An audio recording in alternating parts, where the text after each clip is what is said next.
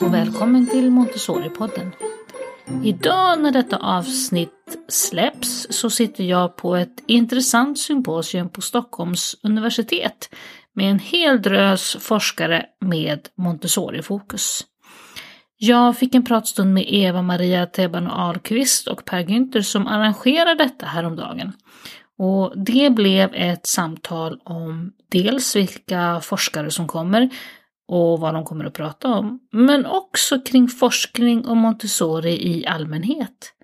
Det kommer fler avsnitt från konferensen framöver, så håll utkik efter det. Ja, men då sitter jag här inne på, eh, vad heter det, Gamla Orangeriet. Ja. Ja. I Bergianska trädgården tillsammans med Eva-Maria och Per. Och vi ska prata om en konferens som ni ska ha på fredag. Ja, vi kallar det symposium faktiskt. Just det. det är lite mindre. Ja. Det är inte så pretentiöst. Nej. Jag tänker vi kan börja med att ni får presentera er själva lite grann, vilka ni är och vad ni gör på universitetet ehm, och så går vi vidare in på symposiet sen. Ska vi börja med dig Eva-Maria? Mm. Ja, jag heter då Eva-Maria Teban Ahlqvist och är eh, lektor på universitetet eh, på en institution som heter Institutionen för pedagogik och didaktik. Och mitt specialintresse är didaktik. Alltså det betyder då för den som kanske inte riktigt insatt att man är intresserad av hur vi lär. Hur människor lär på bästa sätt. Och sen har jag ju då en Montessori eh, bakgrund. Jag är Montessori-lärare utbildad i Bergamo. Eh, och eh, började faktiskt, eh, jag jobbade många, många år som Montessori-lärare också på mellanstadiet. Och sedan Ja, det är så lång tid tillbaka så jag vågar knappt tänka. Men några decennier kan jag väl säga nu då. Som jag är på tidigare lärarhögskolan och nu på universitetet.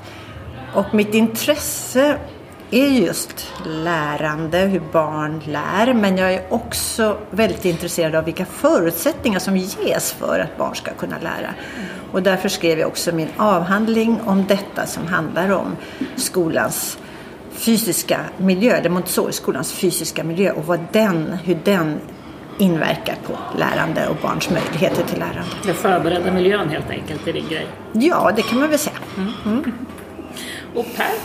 Mm. Eh, jag heter Per Günther och min bakgrund är ju rätt lik Eva-Marias mm. på ett sätt. Då, eh, men jag är ju också eh, lektor då på institutionen i pedagogik och min bakgrund har jag då som verksam Montessori-lärare under många år på låg och mellanstadiet. Vi hade ju en verksamhet som också sträckte sig upp på högstadiet som jag ansvarade för. Sen har jag min Montessori-utbildning har jag ju eh, genomgått på, då på lärarhögskolan som fanns på den tiden. Så jag, Eva-Maria som är min kollega var ju min utbildare. Så jag läste mm. då, ja, idag räknas det som 60 högskolepoäng i Montessori-pedagogik. Mm. Och sen värvade ju Eva-Maria mig en gång i tiden helt enkelt till lärarhögskolan. Jag hade inte alls tänkt att jobba med att utbilda eh, Montessori. Jag trivdes egentligen med det jobbet jag hade då. Eh, men så blev det. Så vi har jobbat väldigt många år med Montessori-utbildning på, här nu på universitetet. Men sen jobbar ju vi också inom den ordinarie lärarutbildningen och ansvarar för olika kurser och så vidare. Eh, men mitt forskningsintresse har jag naturligtvis inom Montessori-pedagogiken. Eh, och jag skrev ju en avhandling där jag följde ett antal lärare i deras arbete. Egentligen var jag intresserad av så att säga hur de utvecklades och lärde i sitt arbete. Men det blev ju också en avhandling om vilka så att säga svårigheter de upplevde i arbetet och liksom med faktiskt att praktisera pedagogik. Mm. Mm. Mm. Och på fredag då så är det ett symposium och som, när vi pratade innan Eva-Maria så sa du att ja, men det är lite grann också ett forskarmöte. Nu får vi egentligen träffas alla forskare och, och ni har ett speciellt tema. Vad är temat på fredag? Ja, temat var egentligen, för det är ju uppskjutet det här eh, symposiet ett antal år. Vi hade mm. egentligen tänkt ha det precis när pandemin utbröt och då var det egentligen att eh, fira eh, Montessoris eh, skola då som, eller Montessoris födelsedag egentligen, 150 år. Ja, det är två år sedan då ja. Det är två år sedan. Och, eh, men nu är det bara, nu är det bara firande sådär allmänt. Eh, nej, men vi vill uppmärksamma Montessori-pedagogiken ur flera aspekter. Och vi vill också, vi har ju försökt att förhoppningsvis får vi hit lite studenter också som vill komma och lyssna. Men också våra, framförallt våra kollegor på institutionen och kanske från andra institutioner har vi ju bjudit in. Så vi hoppas att vi får in flera som kan liksom vakna och tycka att oj, det här kan vara intressant. Mm. Så eh, ja, men det, det är ju också meningen att vi som föreläser ska kunna hinna träffas emellan. Vi kommer träffas på kvällen och eh, på, på fredagskvällen då och mm. eh, ja, fortsätta med våra samarbeten som vi redan har. Eh, bland annat då så har vi ett nytt projekt på gång med en av forskarna här som vi kan berätta om sen om du vill. Hur, hur, hur mår forskningen inom Montessori idag? Både om man tänker både Sverige och internationellt. Vad händer? Vad är på gång? Det händer ganska mycket skulle jag vilja säga. Eh, men kanske inte så mycket i Sverige. Nej, jag höll på att säga det. Det händer mycket kanske internationellt. Mm. Men i Sverige är det begränsat. Mm, mycket begränsat och det tycker vi väl är lite tråkigt att vi inte, men vi är ett litet land förstås. Mm. Det är inte så många som är, har inom forskarvärlden som har intresserat sig för Montessori-pedagogiken. Det här är också en anledning till att vi har den här, det här symposiet. Och, eh, men vi tror, alltså jag, jag jobbar ju nu med ett jättestort projekt internationellt. Eh, en, det ska komma ut nu nästa år, en Handbook in Montessori Education. Mm. Of Montessori Education. Handbook of Montessori Education. Eh, och det blir en, eh, en, en jättevolym med närmare nästan 500 sidor. Och då är det forskning som beskrivs ut, internationellt framför mm. allt. Men också vad det är överhuvudtaget som händer runt om i världen. Eller i Montessori-världen kanske man kan säga. Eh, men genom det har jag ju förstått också hur mycket forskning som egentligen pågår överallt. Och det pågår ju också en del forskning så att säga egentligen i andra fält också. Ja, vi hade ju ett avsnitt här förra året med Erika Moretti då eh, från Italien och New York som ju egentligen är historiker. Mm. Mm. Och som sen då går in och tittar på, på Maria Montessori. Så lite grann det som jag ser att kanske Kristin Kåfort ska prata om också, lite samma Ja. Typ att det, det händer ju saker inte bara inom pedagogiken utan även inom jo. andra fält också. Nej, och det är ju då det blir riktigt spännande. Absolut, och Erika hon, hon är också med i den här boken som mm. en av författarna. Jo men eh, det är nog många som har som från olika fält på olika sätt har kommit in i Montessori-pedagogiken. Det är likadant med, med Kristin Kåford som är idéhistoriker från mm. början som började intressera sig för andra pedagoger inom handikapppedagogik och sen på den vägen kom in på Montessori-pedagogik. Vi kan väl börja kanske med henne då. Vi börjar bakifrån för hon är en av, av föreläsarna på fredag. Kristina Kåford från Göteborgs universitet. Och hon ska vad jag förstår prata lite mer om just Maria Montessori eh, och hennes, eh, vad ska man säga, som person och hennes intellektuella sammanhang. Vad, vad kommer det att handla om? Ja, hon kommer ju prata om Montessori i mellankrigstiden, alltså mm. mellan första och andra världskriget.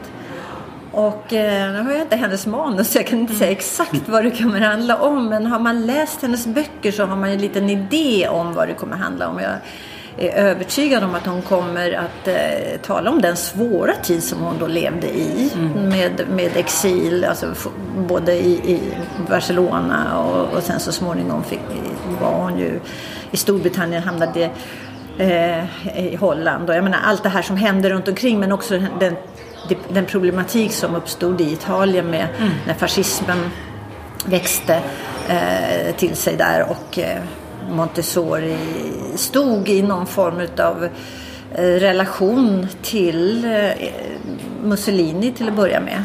Och, och, den delen är ju väldigt intressant eh, när man tittar på den med dagens glasögon så ser man någonting annat än vad hon kanske gjorde under den tiden när hon mm. levde. Eh, men eh, Ja, vi får se vad hon pratar om. Det låter, jag tycker att det ska bli jätteintressant. Men hennes bok är ju oerhört intressant. Den eh, där hon skriver om Montessoris pedagogiska imperium.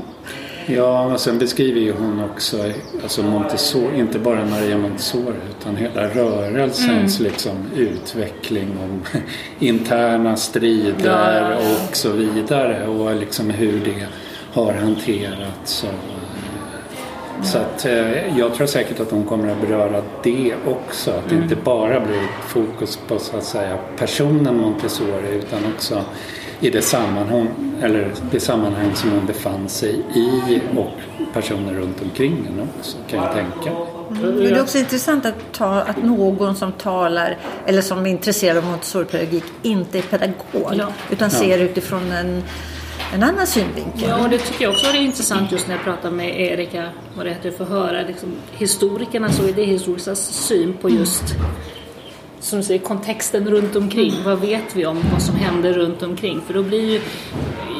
Man har ju alltid fått höra, åtminstone jag har fått höra liksom, i utbildning och så att men Maria Montessori ville själv inte att vi skulle prata så mycket om henne utan vad hon gjorde och allt sånt där. Och och det är ju bra. Vi ska ju inte vara en personkult. Samtidigt är det ju viktigt att förstå vad var det för kontext och sammanhang och vad växte det hela fram i? Det, jag tycker det är intressant för att veta hur ska vi förhålla oss idag? Mycket intressant mm. och viktigt också. jag. Ja. Okej, och sen eh, har vi eh, en eh, kvinna från Paris, Philippine Courtier. Som, eh, vad jag tolkar hennes titel, han, kommer, att, det känns som att det kommer att handla en hel del om barn i behov av särskilt stöd. En smula. Ja, och då, jag tror framför allt att hon har intresserat sig för barn ifrån eh, eh, so- socialt eh, lite problematiska områden. Mm, där, där, Utsatta områden liksom. eh, ja, så att hon och, och, och det tycker jag idag är ju väldigt mer än aktuellt idag i Sverige. Eh, där vi har eh, den problematik vi har. Och den finns ju givetvis kanske, kanske än, än starkare i, i, i Frankrike. Så eh, den forskning som hon har bedrivit tycker jag är oerhört aktuell idag. Och den blir ju också lite... Historiskt känns det lite sådär tillbaka till rötterna med den typen av barn då vi pratar om och den typen av barn och sammanhang som vi vet att Montessori-pedagogiken faktiskt började i. Det tycker jag känns spännande. Det här har varit roligt att se fler sådana projekt. Ja, ja verkligen. Ehm, och sen från Genève så kommer Solange eh, Devereux som också kommer att prata om hur alltså learning to succeed hur, hur, var det, hur, det här, hur det fungerar, eller hur? Alltså, det är det som är hennes grej. Ja, hon är ju eh, utbildad inom neurovetenskap så hon Ja. tittar ju på vad som studerar ju på vad som händer i barnhjärnan så att säga. Eh, och på vilket, eh, hon kan liksom ge stöd för det sättet man arbetar då väldigt mycket med handen. Det viktiga är att man får uppleva, att man får eh, tillfälle till att eh, lära på egen hand, inte bli stressad. Ja, men det finns ju många, många, många aspekter inom den eh, vetenskapliga disciplinen. Så det är Som, neurovetenskapen hon kommer ifrån. det är det, ja. Ja, och det är ju jätteintressant också. Och där har du ju Det där pågår ju faktiskt, jag menar inom det fältet pågår ju mycket, inom, vad jag har förstått i alla fall i, i USA och så vidare. Alltså det, men i Sverige är ju det, alltså finns det ju ingen sån forskning i relation till Montessori-pedagogiken. Men i andra länder så är det eh, ja, Och är det då väldigt liksom aktuellt. inom neurovetenskapen då som det börjar eller är det tvärvetenskaplig forskning där eller hur går det till? Jag tror att den är nog eh, till viss del tvärvetenskaplig. Solange har ju själv en bakgrund som Montessori-pedagog. Det är intressant. Ehm, och eh, disputerade så småningom då inom neurovetenskap. Så att det, det, hon, har nog, hon, hon kommer ju givetvis att se både den rent pedagogiska delen och Men det är ju jättespännande att hon då har både också. Ja, det tycker jag. Så verkligen. Ehm, och sen från Gdansk har vi Jarek eh, Gensa. Gensa. Vad är hans approach på fredag? Han kommer nog prata mer om hur forskning kan bedrivas inom Montessoripedagogik och hur den, alltså metoder för empirisk forskning som eh, ju ofta är eh, kanske inte så vanlig i, i Sverige. Är det väl inte den allra vanligaste forskningsmetoden. Men det är någonting som man skulle kunna tänka sig utveckla. Montessori var ju själv, kan man, skulle man väl kunna säga, eller hur Pelle? Att hon Ja, var ja, empiriker absolut. i allra högsta grad. Ja, men det är ju lite grann en naturvetenskaplig approach som ju hon hade också. Ja, hon hade ju både och. Men hon var ju också där och samlade data så att Ja. säga på plats. Ja. Och det är ju... Mängddata också. En hel del. Så. Ja, både och kan man väl säga. Ja. Alltså vi, det är väl det som vi har eftersökt väldigt mycket. Att liksom behov av att mer empirisk forskning faktiskt som utförs i, precis som Montessori gjorde, i Montessori-miljö. Alltså att liksom försöka förstå liksom, och titta på barnen i, i den miljön och lärarna och pedagogerna. Den typen av forskning. Nu, nu är det så liksom lite forskning som bedrivs i Sverige men så då, då faller det också. Men alltså, det skulle behövas mycket mer av den typen av forskning i, i tror jag, i, i Montessori-sammanhang. ja, och vi tänker också att det skulle kunna inspirera kanske även lärare att ta kontakt med kanske någon forskare för att gemensamt då bedriva forskning. Per och jag ju, har ju länge varit ansvarig för en kurs, en väldigt kort kurs på lärarprogrammet som handlar om utvecklingsarbete i skolan. Och vi har också på vår fortsättningskurs så bedriver våra studenter mini-forskningsarbete, empirisk forskning i sina verksamheter. Och det tycker vi, skulle vi önska att det fanns mycket mer utav. Det, det är enligt skollagen en skyldighet att utveckla verksamheten också med hjälp utav, utav de eh, eh, eh, instrument som finns så att säga. Nej men det blir ju också, tänker jag, det här som du säger då att ta, ta hjälp och, och forska i klassrummet med empirisk forskning. Någonstans är ju det också igen tillbaka lite grann till rötterna att faktiskt inspirera till att sätta sig ner och observera. Inte bara en gång utan flera gånger och faktiskt Ja, och då måste man faktiskt lägga in någonting i det här vad vi menar med observation. För att många gånger, jag minns så väl en mycket känd Montessori-pedagog som uttryckte vid en föreläsning att han satt mitt i rummet och så kom något barn fram till honom och sa eh, Vad gör du? Och han svarade då I'm observing. Och det var nog inte riktigt vad man tänker och inte Montessori heller tänkte med observation, att man bara sitter och tittar. Utan observation är ett rigoröst arbete där man systematiskt samlar data, man analyserar sin data och, och man gör någonting med denna data. varje observationstillfälle behöver ju ha ett syfte. Ja, och också liksom, det måste finnas inom ramen för ett mera, liksom, som Montessori pratar då, ett vetenskapligt sätt. Och menar ju att lärarna måste, lära sig det här. Ja, ja. Och det tror jag skulle vara ett väldigt tillskott, inte bara inom Montessori-pedagogik utan skolan i allmänhet. Att man får lära sig detta. Och som sagt, eh, det här med, man brukar prata om begrepp som eh, beprövad erfarenhet. Och för att beprövad erfarenhet ska kunna mynna ut i någonting som skulle kunna likna vetenskap. Då krävs det ju att man har en beprövad erfarenhet, inte bara från ett tillfälle. Nej. Utan att det här är dokumenterat, diskuterat, analyserat för att sen liksom pröva igen. Jag kommer ihåg att jag tyckte själv att det var en ganska fascinerande upplevelse när jag under min Montessori-utbildning satt och observerade i var sammanlagt, jag kommer inte ihåg om det var två eller fyra veckor, säkert kanske nästan fyra. Och, och jag minns just hur vi satt och tittade på just koncentrationskurvor. Och när man har gjort inte bara en utan 15-20 stycken sådana då vid flera olika tillfällen i flera olika klassrum och inser jaha, men det är ju så här de ser ut. Det är ganska häftig upplevelse faktiskt. Och då är det, då har du gjort det så pass många gånger Ja. så att du kan dra någon sorts slutsats då utifrån Ja, det här. ja. Men sen är det också intressant då när man gör sånt här arbete att titta på när det inte fungerar Mm. och analysera vad är det då som händer. Så att man använder den här data till att Mm. få ut så mycket som möjligt så att säga som man sen kan fort- fortsätta jobba vidare på. Och sen ska ni ha ett eget eh, litet pass om, som jag tolkar det, hållbarhet och världsmedborgare. Mm. Vad kommer det att handla om? Nätt ämne.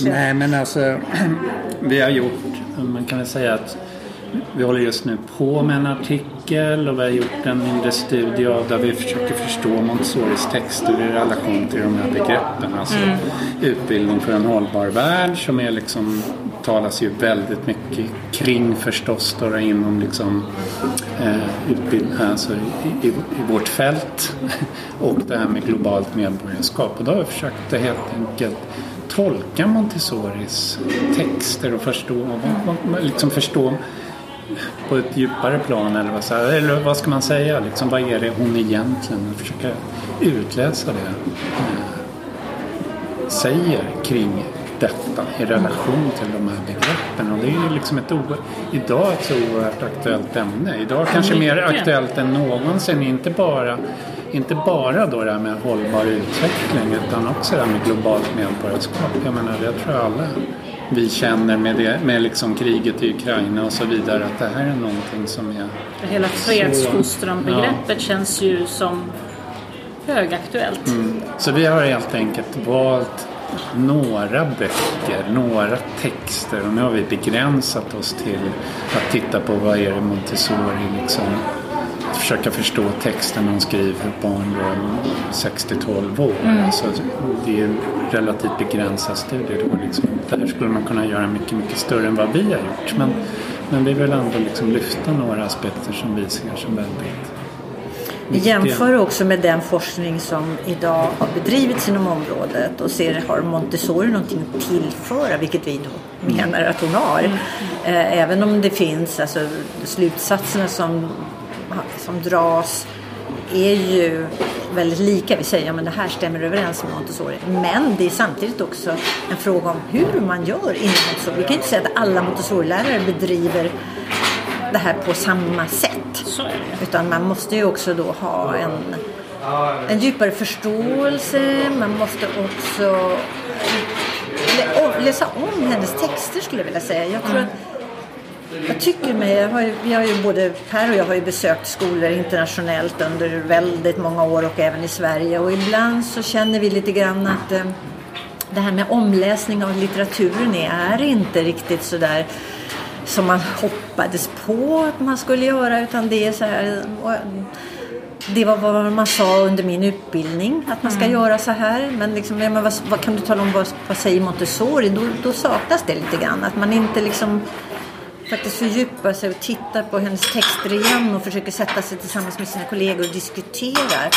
Och hur ska vi göra då om det ska vara på det här sättet? Hur ska jag bete mig? Hur ska jag undervisa? Och Montessori ger ju inte så många direkta eh, eh, eh, praktiska eh, råd utan hon har, håller sig lite grann på fältet filosofi kan man I säga. hennes. I hennes texter. Ja, så det är svårt. Det, det är svårt. Eh, Hon Och har det är ju några praktiska råd också. också dessutom egentligen ofta Många som liksom gånger, är transkriberade. Ja, ja.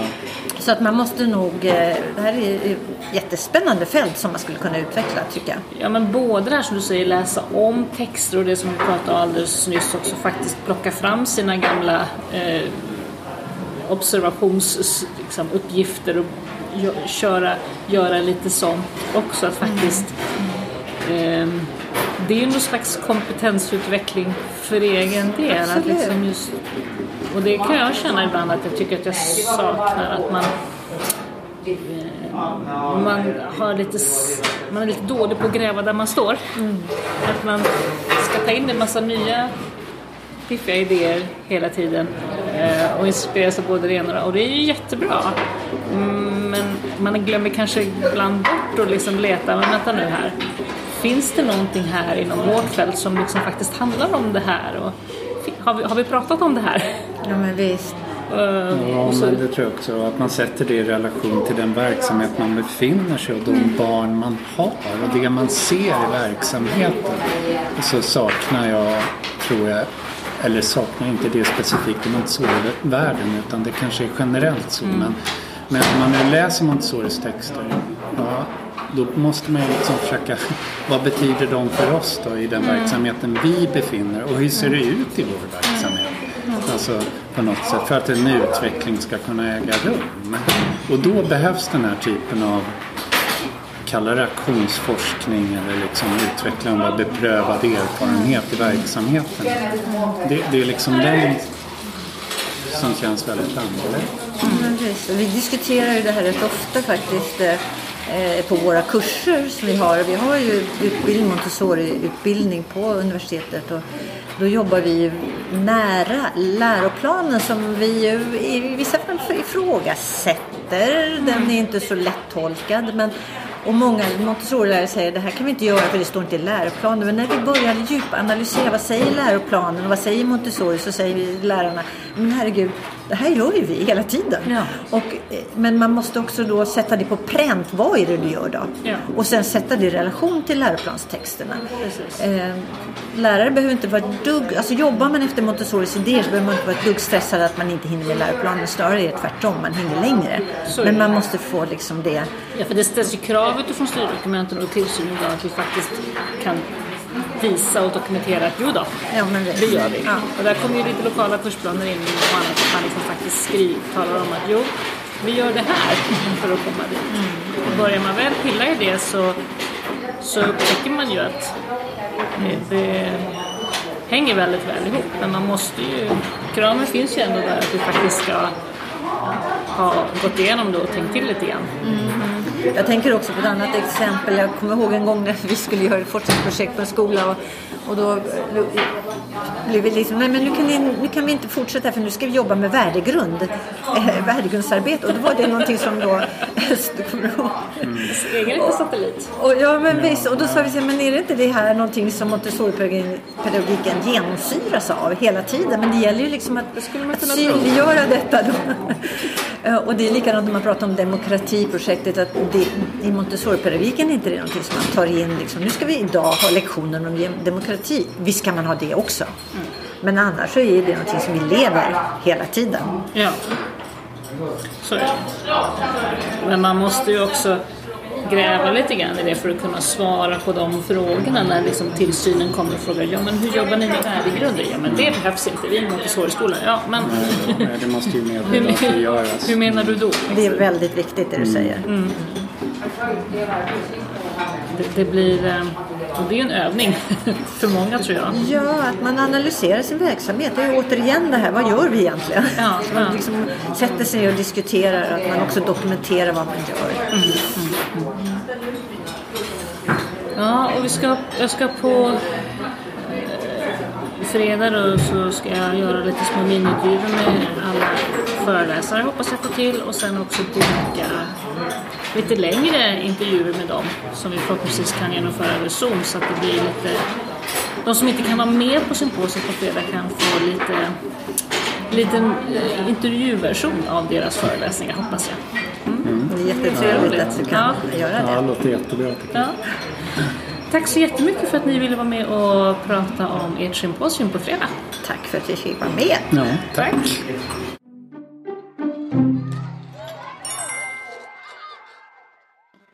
Tack för att du har lyssnat. Jag heter Maria Schacki och gör denna podd för Montessori förskolor och skolor i Sverige AB. Du kan läsa mer om oss på www.montessorisverige.se. Glöm inte att ge podden ett betyg i din poddspelare så att fler hittar till oss.